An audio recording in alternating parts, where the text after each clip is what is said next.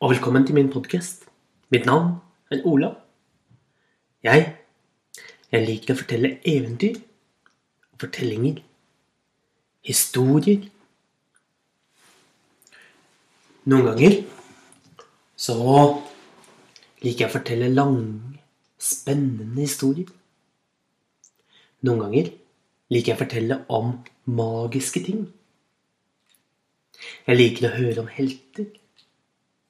Jeg liker å høre om prinsesser. Om magiske dyr. Og jeg liker å høre eventyr ifra dyrenes verden. I dag I dag skal vi bevege oss til dyrenes verden. Vi skal høre eventyret om løven og fluen, som er en variant fra Esops fabler 'Løven og knotten'. Det var en varm dag langt ute på savannen. Der la en mektig løve seg ned under det store, store treet den hadde ved siden av ved siden av vannhullet sitt. Der la den seg ned for å sove før den skulle gå på jakt.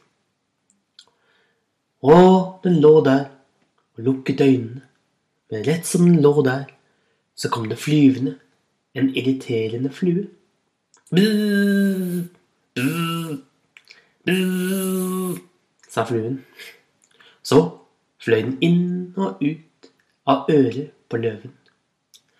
Løven snudde seg over på den andre siden og la seg ned med poten over øret sitt. Men fluen, den fløy inn i nesen på løven. Så løven måtte nyse. Og så Så begynte fluen å fly fram og tilbake over øynene til løven, og løven fulgte den med blikket. Og den lille fluen begynte så å erte løven. Kan ikke ta meg, bzz, bzz, kan ikke ta meg, sa den lille fluen, og fløy fram og tilbake foran øynene til den store løven. Nå hadde løven fått nok. Han reiste seg opp, gjespet. Så tok han og slo ut, slo ut klørne sine og viste dem til fluen. Jeg tror ikke du vet hvem jeg er. Jeg er løven, den mektigste dyret av alle. Jeg er dyrenes konge. Ser du disse skarpe klørne her? Med de, de skal jeg klore deg med, hvis ikke du lar meg være i fred. Og du gjør klokt i å ikke erte meg mer.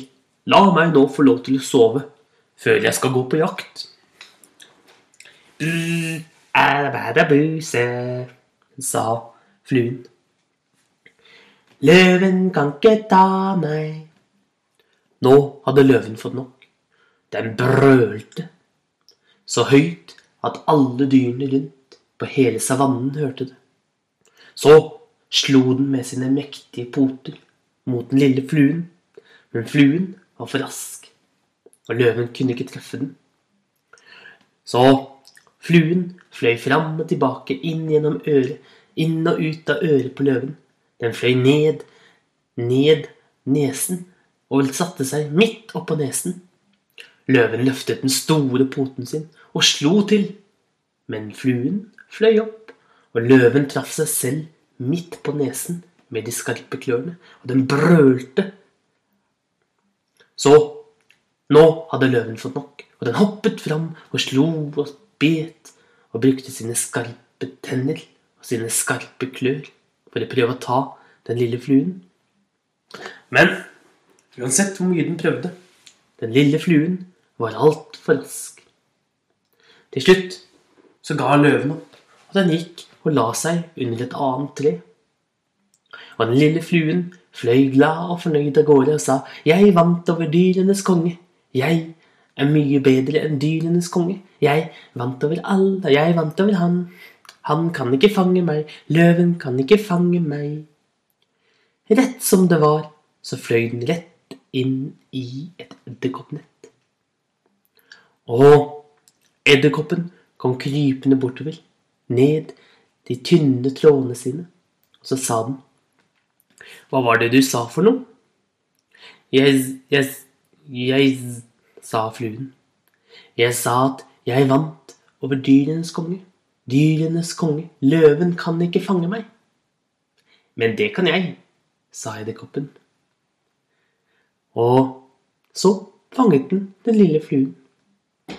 Og det, det var fortellingen om løven og fluen.